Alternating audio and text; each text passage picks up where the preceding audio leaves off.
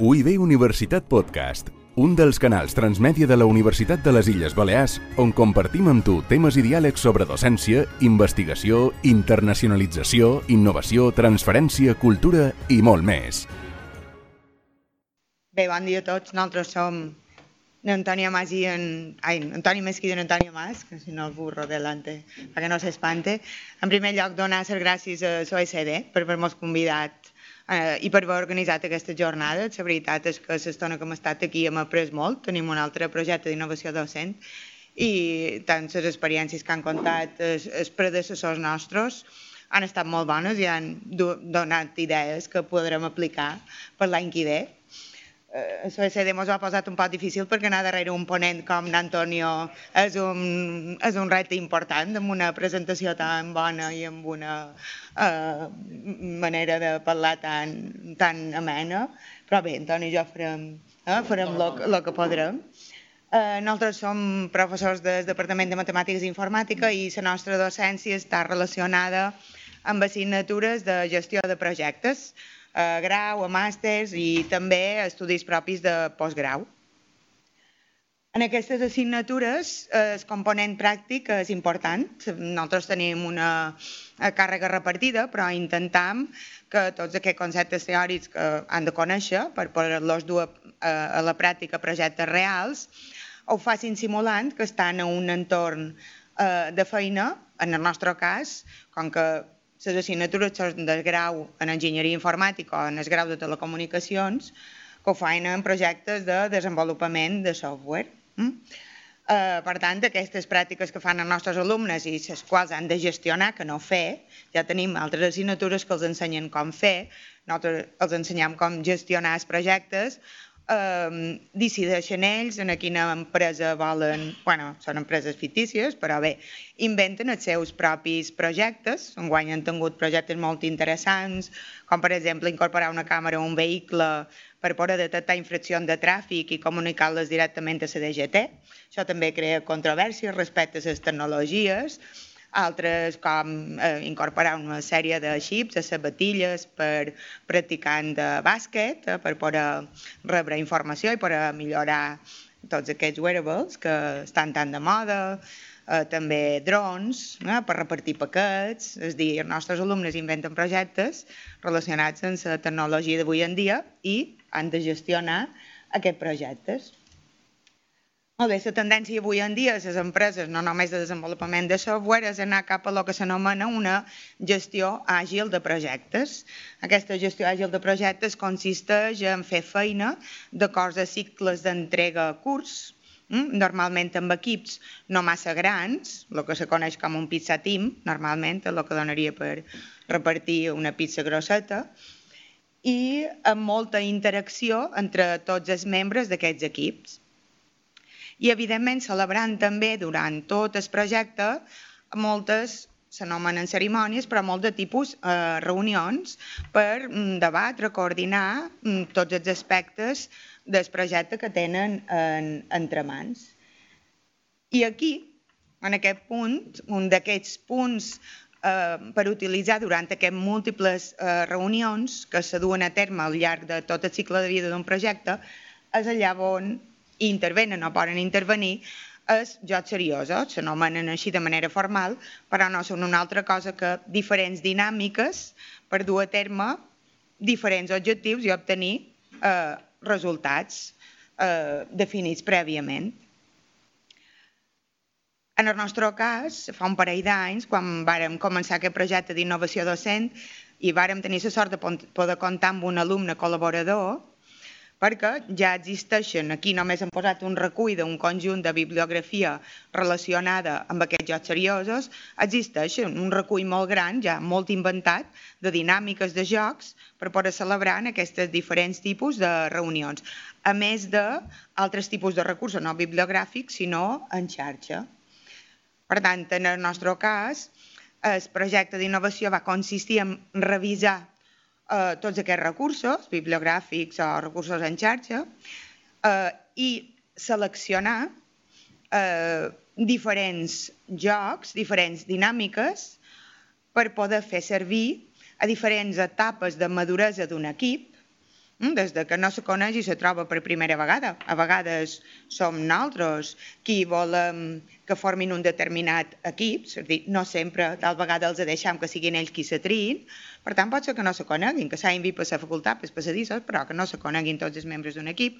És a dir, tant jocs per rompre el gel, com altres jocs per mm, supervisar tot, tota la fase de coneixement de l'equip, per, per crear la dinàmica que seguirà, per veure quins són les fortaleses de cada un d'aquests membres i, i compartir-les, per veure si hi ha hagut problemes i que sigui més fàcil de detectar-los a partir d'aquestes dinàmiques o fins i tot no aplicables en l'equip de feina, l'equip de pràctica en el nostre cas, sinó també en el projecte, com identificar possibles riscs que me puguin fer anar malament la pràctica, que al final hem d'entregar una pràctica d'assignatura, o com tipus de dinàmiques per utilitzar en aquelles reunions de final d'etapa final de projecte, en general anomenades retrospectives en el nostre llenguatge, que poden servir per determinar, com mostrarà Antoni un cas, mm, quins són els punts febles, els punts forts, quins temes haurien de millorar.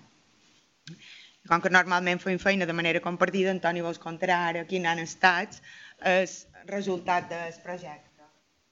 Un dels resultats és aquest. Els tenim aquí intrigats que tenim aquesta catxa que hi ha aquí de dins. Bueno, espera, que ara no sé si me veuen a, a, Eivissa i a Menorca. Primer resultat, aquesta catxa. Què hi ha aquí de dins? Uh, això també, uh, seguint en el tema retro que ha començat a banda, això va ser com uns jocs reunits de Hyper, no? A uns jocs d'aquest de Magia Borràs. La pots mostrar. Ah, bé, si no és igual. Aquí damunt la pas. bé, és igual. Ara l'obrirem. Què hi ha aquí de dins? En primer, ara tornaré aquí, un conjunt de fitxes, de jocs, són aquestes fitxes, eh, eh, i les hem posat en aquesta diapositiva, que en principi aquesta primera versió que fem prototip conté 12 jocs. De tots aquells llibres, que cada un d'aquells llibres, com comentava Antoni Pantura, eh, recomenen 100 jocs distints. Hem fet tota aquesta anàlisi i ens hem quedat en 12. 12 per què aquest 12? 12 que tenen eh, objectius distints, resultats eh, diferents.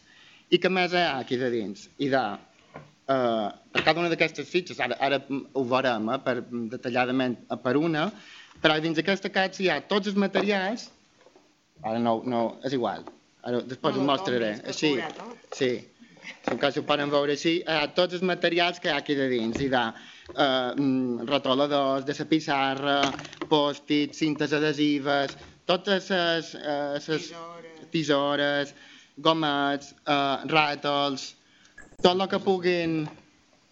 Posem aquí. Això és com un escàner de Saropat, aquí això és tot el que duem, no hi ha res perillós.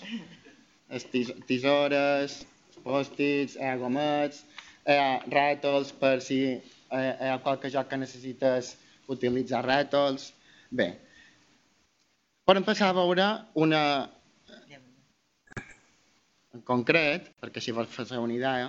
Mireu, per exemple, aquest joc s'anomena Estrella de Mar, Starfish en anglès, quan se sol utilitzar? I de quan un equip, eh, un equip de pràctiques, ha fet una part de la pràctica, ha entregat una part i necessita saber, necessita tenir un feedback de que ha anat bé, Eh, durant el seu eh, cicle de treball, que ha anat malament o que poden millorar. Aquesta és la seva funció. Vale. Per cada fitxa veus aquí diferents camps. En, saps, eh, en aquesta mateixa diapositiva està la cara de davant i de darrere. Mm? A la cara de davant eh, se descriu eh, el propòsit del joc, a continuació el número de jugadors eh, recomanat, és a dir, per cada joc pues, n'hi ha que poden jugar fins a quatre persones, ara que pot jugar mm, la quantitat de, de membres de l'equip, és a dir, fins a 12, de 3 a 12. Després també de, eh, hem estimat una duració aproximada, en aquest cas seria entre 15 i 20 minuts, i com jugar. És a dir, quines són les passes que hauria de seguir el moderador, el facilitador, per dur a terme aquest joc. I, per exemple, eh, en aquest cas seria 1 dibuixa una estrella en cinc puntes, que són aquestes cinc seccions. A la cara de darrere hi ha el resultat de lo que hauria d'obtenir el facilitador, és a dir, una vegada implementa el joc, de lo que ha d'anar aconseguint. I la primera passa seria dibuixar l'estrella. Trauríem la cinta aïllant i una paret dins l'aula posaríem l'estrella en cinta aïllant. Correcte. I necessitam parets per, per posar la cinta aïllant. Repartiríem pòstits de diferents colors, perquè a vegades els colors volen que tinguin una determinada intenció, i repartim pòstits a diferents grups, diferents colors, o per diferents temes en el mateix grup, el mateix color. Depèn de la dinàmica que volen fer servir.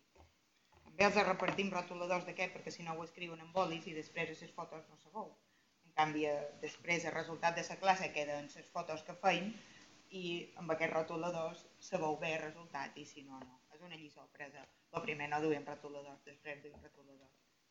Uh, i, I ara que ho dius, això també és un bon uh, així com de element motivador dins l'aula, està molt bé que en determinat moment les, facis aixecar els alumnes i les donis una cintillant i les comences per equips, un que escriu per aquí, un escriu per allà, ja romp la monotonia d'estar l'alumne assegut durant una hora, una hora i mitja a l'aula. I el manco comencen a ferrar, escriuen pòstits, fan qualque cosa, almenys estan actius. És per rompre aquestes dinàmiques serveixen més que res per rompre també la monotonia aquesta d'aquestes dues hores. En el nostre cas sempre són sessions de dues hores, tenim possibilitat de fer un descans al mig, però a vegades introduint aquest tipus de dinàmiques, no en el principi o en el final, a vegades sí en el final, però a vegades durant la classe, mira, els fa aixecar-se, desplaçar-se, i com que els distreu una mica més, com el que tu deies, tens un moment de glòria, no dura molt, però bé, tens un moment de glòria, de tal manera que te presten més atenció i la veritat que els agrada més anar ferrant pòstits damunt les diferents parets, els diferents grups. Uh, al principi, eh, sí que aquests dos cercles en taronja i en verd eh, són dues possibles classificacions que hem establert per tots els jocs, tant els 12 que tenim ara com els que puguin anar ampliant les successives versions. Aquests dos colors impliquen dues classificacions. El primer, el taronja, seria per eh, determinar per quina maduresa, és a dir, quin, quin nivell de maduresa hauria de tenir l'equip per poder aplicar aquest joc. És un equip que no se coneix i just ara les han reunit per començar a fer una pràctica o no, o ja eh, té una maduresa que han fet eh, diferents pràctiques d'aquesta assignatura, se coneixen d'abans. Aquesta és la primera classificació, la maduresa de l'equip.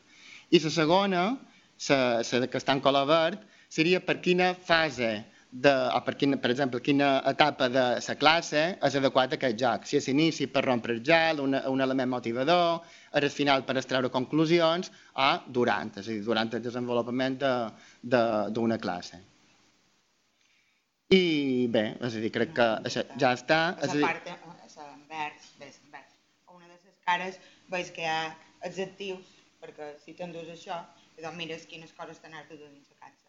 Hi ha adjectius que has de mestre per poder dur a terme els jocs que vols fer a la classe de llum. Si ja o tens una catxa d'aquelles... Aquest era un prototip, realment. Nosaltres volíem fer un prototip guapo amb una catxa ben dissenyada, però clar, ja necessitàvem més recursos i més temps i no ho vàrem arribar a fer. Perquè, de fet, no ho hem comentat, però aquesta iniciativa servia tant ens podia servir tant per donar classes, però nosaltres tenem, també tenim molta recerca que fem coses conjuntes amb empreses i també serveix perquè hi ha una figura que avui en dia s'utilitza molt que se diu Agile Coach o facilitador o gent de canvi, dir, té molt de noms, però és qualcú que aplica i implanta aquestes noves pràctiques àgils a l'empresa i també juguen a dir a l'empresa en les mateixes dinàmiques. Llavors, molt serveix tant per l'entorn docent com per un entorn de feina a l'empresa real. Sí. Uh, jocs, és a dir, el mossat aquest que és per poder tenir com una visió de que han de millorar, és a dir, que, que, pot, eh, que no va bé dins l'equip, que ha de millorar, n'hi ha d'altres, eh? n'hi ha que, jocs que puguin servir per, de, per assignar-se entre els membres de l'equip la tasca per la qual cada un se sent més capacitat o més motivat per dur-la a terme, per, pot servir per ha altres jocs que serveix per saber quin coneixement fa falta obtenir, en què s'han de formar, és a dir, determinat, cada un per determinats objectius. I eh, l'únic tant que no han comentat, i clar, com que són d'informàtica, hem de ficar això d'una caixa analògica en jocs no, no, no molt bastava, a baix de cada fitxa hi ha un codi QR, aquest codi QR du eh, una pàgina web, també està en prototip. És a dir, sí que val a dir que, eh, és a dir, agrair per cert a la direcció de comunicació que ens va ajudar a definir aquest eh, eh, format i estil UIB, també esperant el mateix per la caixa.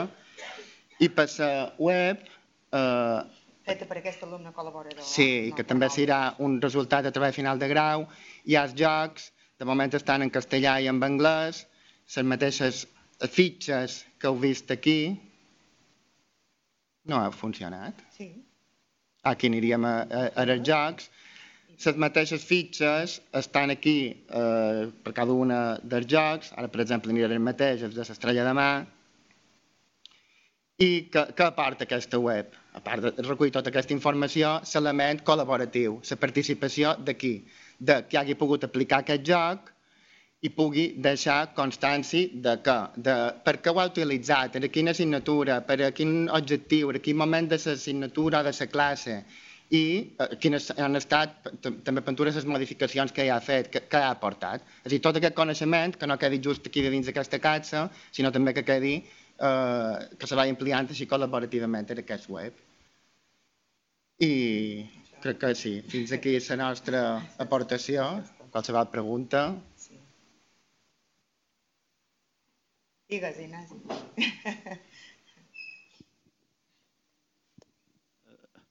és una mica el mateix que, que he demanat abans. Vull dir, jo ara aquí entenc que aquests jocs que heu fet i que heu presentat i que utilitzau a classe és el temari de l'assignatura.